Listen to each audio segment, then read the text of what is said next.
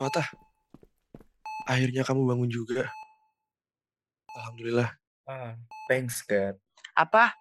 Apa yang terjadi, Albert? Kamu nggak jadi balas dendam kan? Sama orang yang membunuh dadimu itu kan? Ya ampun, Fata. Sakit-sakit masih mikirin orang lain. Iya. Jangan khawatir kalau jangan khawatirin orang lain dulu ya. Albert, kamu Dengar, kamu keburu pingsan sebelum orang itu modern. tapi tapi tapi kamu nggak niat kejar dia lagi kan? Nope. Biarkan aku merawat anakku, Hedi. Dia bukan anakmu. Bukan anakmu kau bilang? Demi Tuhan. Aku yang mengajarinya berjalan, berbicara, bahkan aku juga yang menyekolahkannya. Apakah kau sadar dengan posisimu tersebut, Hedi Wijaya? Kak Ayong, tolong tenang. Ini rumah sakit, Hedi. Hedi, beri aku kesempatan. Aku harus mendampinginya. Mau bagaimanapun juga, dia adalah anakku, walaupun hanya sekedar anak angkat. Jangan harap Fata akan tetap bersamaku. Papa, Adar, cukup. Fatah, Fatah, akhirnya kamu sadar juga sayang. Minggir. Biarkan aku yang merawatnya mulai sekarang. Ada apa nih? Kenapa aku di rumah sakit? Kamu tertidur selama dua hari. Hipersomnia, fenomena tidur yang lebih panjang. Bisa berjam-jam atau beberapa hari. Untuk sekarang tidak berbahaya. Tapi jangan sampai terjadi lagi. Fatah, kamu pulang sama papa ya. Kita lanjutkan pengobatan. Kita bisa cari rumah sakit yang lebih bagus. Pengobatan apa, Pak? Ada yang akan menemanimu. Sekarang juga ada yang bisa memindah kamu ke rumah sakit di Jerman atau Singapura. Tapi buat apa? Adar, berobat di sini kan juga bisa. Cedera ACL. Itu bukan cedera ACL. Maksudnya dokter itu gimana sih? Hasil pemeriksaan terakhir. Kanker berkembang. Hah? Kang kanker? Yaps. Jadi, ada lima jenis hasil pemeriksaan kanker. Respon lengkap. Ketika tubuh bersih total. Lalu, respon parsial saat kanker mengecil. Nah, stabil ketika kanker tak membesar. Dan kanker berkembang ketika terjadi penyebaran. Apa maksud semua ini ya, dokter? Kamu terkena kanker tulang, osteosarkoma.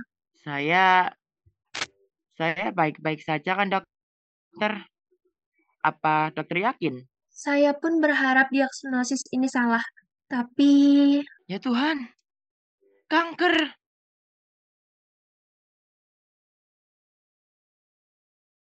Tenang sayangku, kita hadapi sama-sama ya. Papa akan cari jalan supaya kamu sembuh. Kamu akan sembuh. Adar akan memberikan pengobatan terbaik buat kamu, Fatah.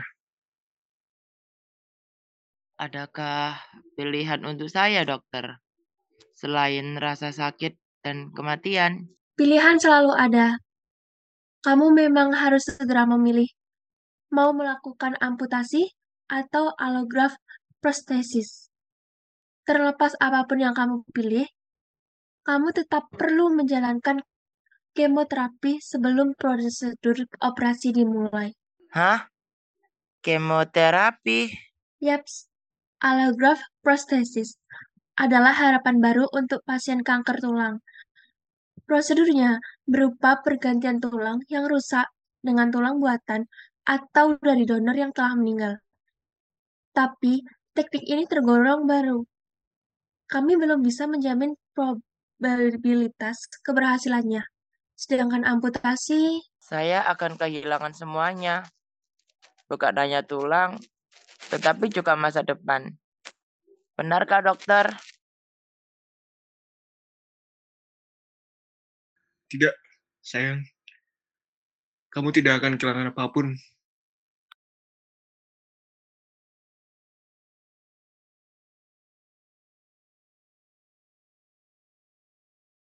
Begitu ya? Lalu ke mana saja kamu selama 24 tahun ke belakang? Jadi kolektor wanita, Hedi Wijaya. Kurang ajar.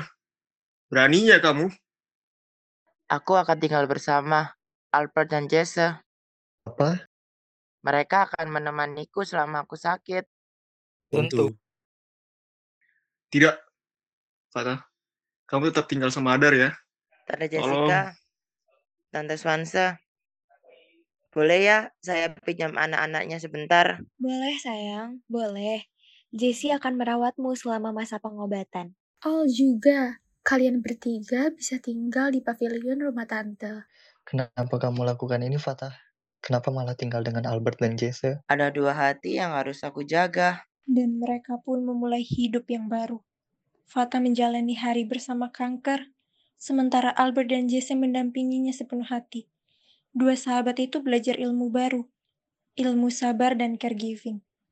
Bahkan, mereka merasa lebih mandiri dengan tinggal bersama seperti saat ini.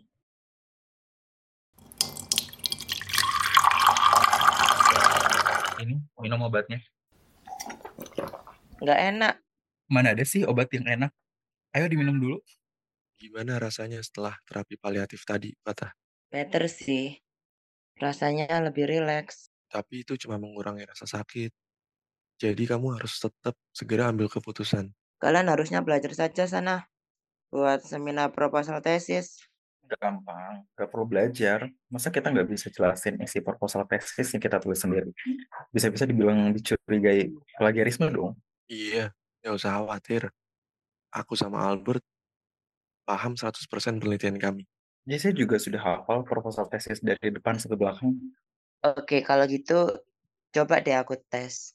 Apa sih bedanya family owned enterprise dengan family business enterprise? Kalau FOI itu dikelola oleh profesional yang bukan keluarga pendiri. Atau bisa aja sama keluarga, tapi mereka nggak dapat saham perusahaan. Cuma dapat gaji aja. Nah, kalau FBA itu diurus langsung sama keluarga sendiri. Ya, kayak perusahaan kita-kita itu. Nice. Very good. Nah, sekarang kami istirahat ya. Jesse, boleh temani aku ke kamar nggak? I'm afraid to fall again like yesterday. Oke, sure. Sini. Lah, komen atau tolong cheese itu. Gak sama aku aja. Lah, wong dia mintanya sama aku, Al. Jesse, kamu lihat Albert nggak? Dia udah lupa niat awalnya. Well, sepertinya aku tahu maksudmu. Bukan hanya perasaan Om Hedi dan Om Leong yang kamu jaga, kan? Nah, itu kamu tahu. Dengan sibuk merawatku, Albert nggak kepikiran lagi buat balas dendam. Patah. Kamu orang paling altruistis yang pernah aku kenal. Jangan lupa, juga sama Albert ya. Apalagi kalau aku pergi nanti. Stop talking about it. Kamu akan sembuh. Hmm, we'll see. Astaga, aku lupa malah keterusan nulis jurnal. Al, kamu rebus air ya. Iya, iya, aku mau bikin vermouth buat Fatah juga. Jangan lupa sesuai diet kanker ya. Pastinya. By the way, kita jadi lebih aware sama kesehatan ya sejak Fatah sakit. Dan lebih mandiri juga. Lumayan. Latihan sebelum berkeluarga.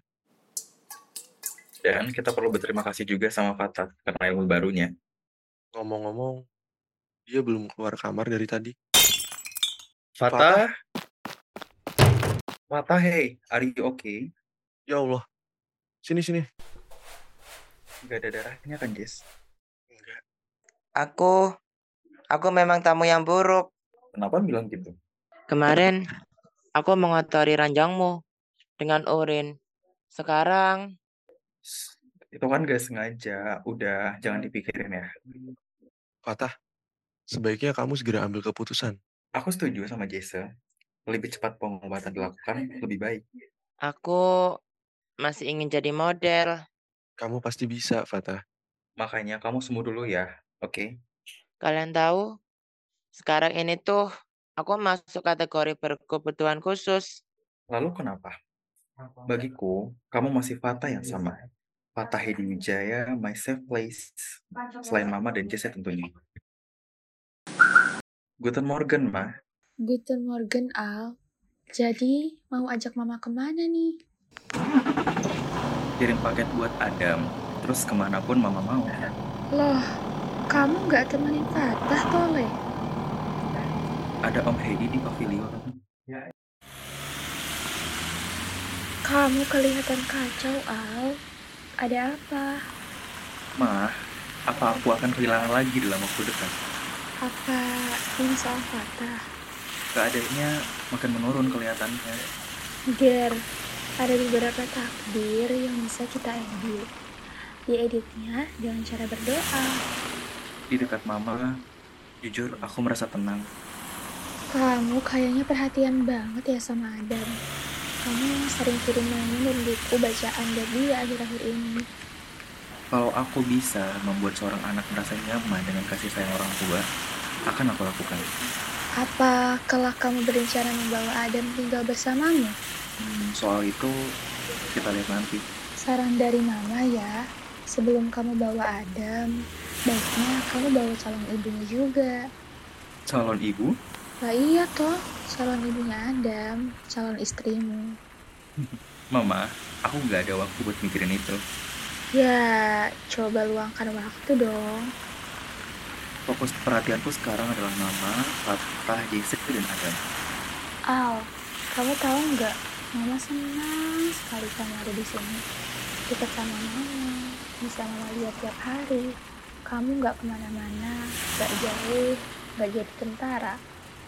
Selama bersama Mama, aku sudah merasa cukup.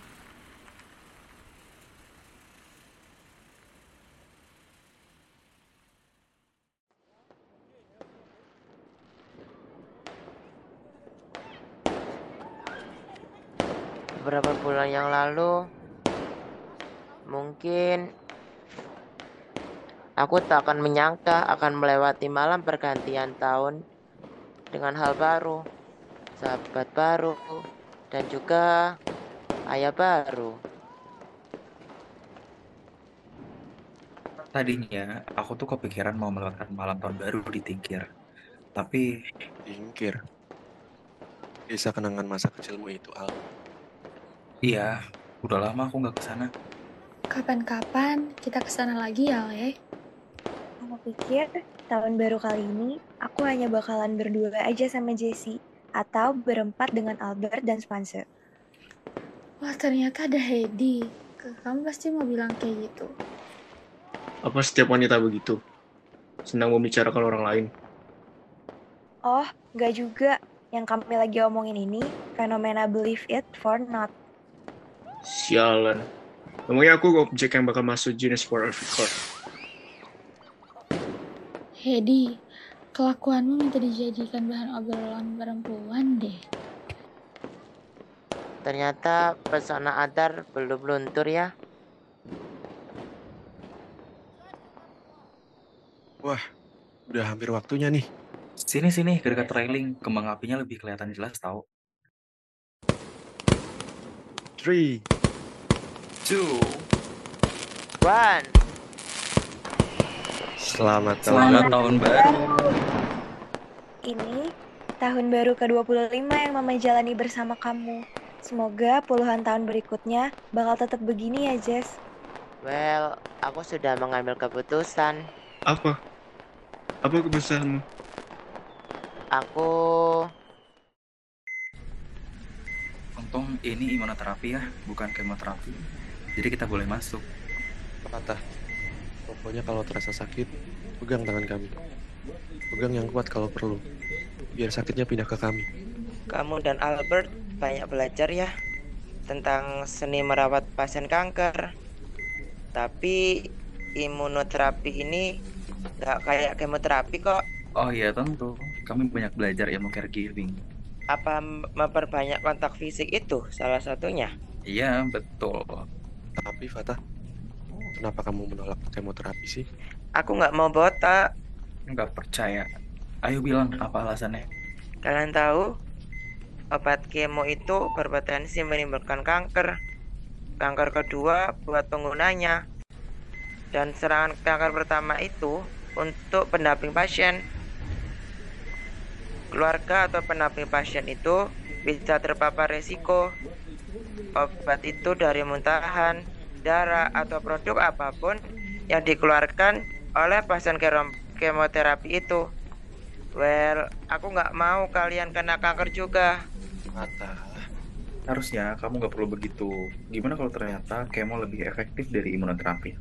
Albert, kamu kan baca sendiri. Imunoterapi adalah harapan baru untuk pasien kanker. Durasi terapinya memang lebih lama, 3 minggu sekali dalam 20 bulan. Tapi efek sampingnya itu loh, yang juga lebih sedikit. Menurutku imunoterapi mirip orang diinfus aja sih.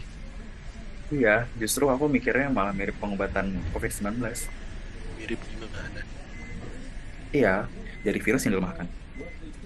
Intinya tuh, tubuh diajari untuk mengenali sel kanker dan lebih aktif melawannya. Pinter anak Om Hedi Wijaya. By the way, kamu kok gak berkabar ke Om Leong dan Om Edi, Fatah? Gak tahu tuh.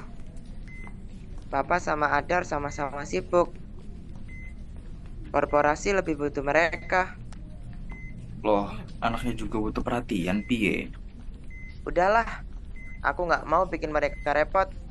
Oh, jadi kalau ngerepotin aku sama Jesse nggak apa-apa nih maksudnya gitu? Ya, biar ada gunanya dikit gitu jadi sahabat.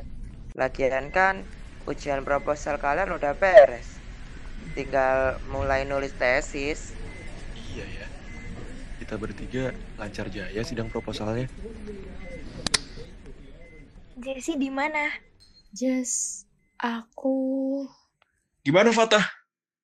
Hari ini dia imunoterapi. Dan aku baru tahu. Teddy, Jessica, tenang dulu. Aku juga cemas. Tiga anak itu nggak bisa dihubungi dari tadi pagi. Ya Tuhan, Aku mengerti perasaanmu, Jess. Aku juga sangat takut. aku khawatir Jessie diculik kakeknya. Aku yakin tuh Jelangkung nggak akan macam-macam sama Jesse.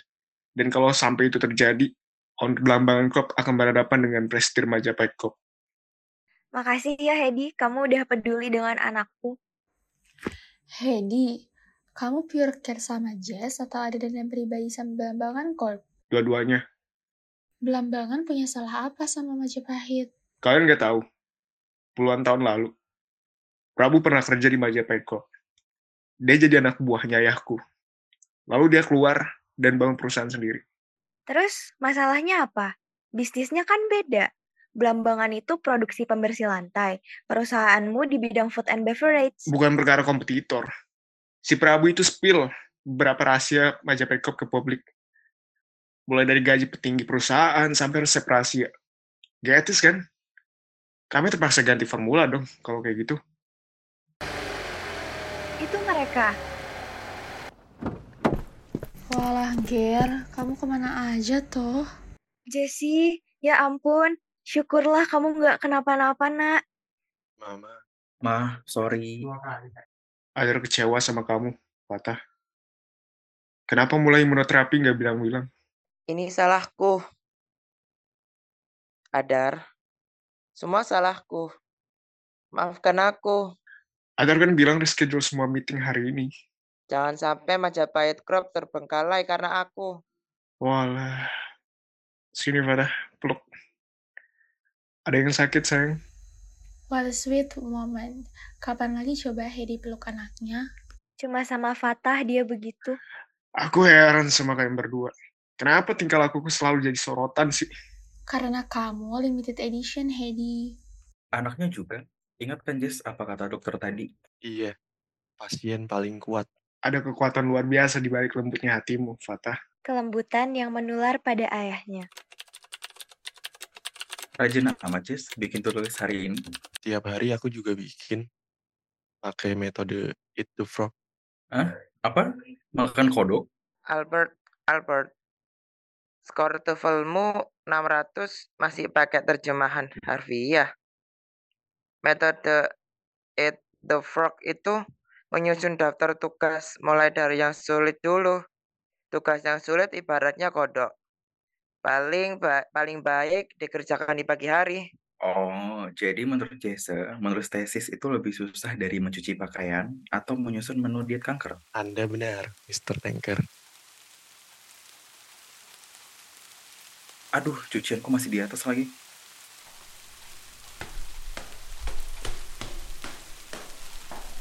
Patah ya Hedi Wijaya, jangan naik tangga. Gak apa-apa, Lututku udah nggak sakit lagi kok. Sakitnya berkurang kan bukan berarti bisa pecicilan. Biar aku aja. Ah, baik sekali Tuan Muda Samudra dan Kesion. Matur nuwun. Aku nggak habis pikir aja sih sama kalian. Kenapa nolak sih ART dari Tante Swansa? Itu biar gak malu-maluin kalau nanti jadi bapak rumah tangga. Emang kalian mau jadi stay at home dad gitu? Ya, mirip-mirip lah. Tapi tetap jadi pencari nafkah utama event rumah aja. Jadi urus perusahaannya remote gitu. Cita-cita yang indah sekali.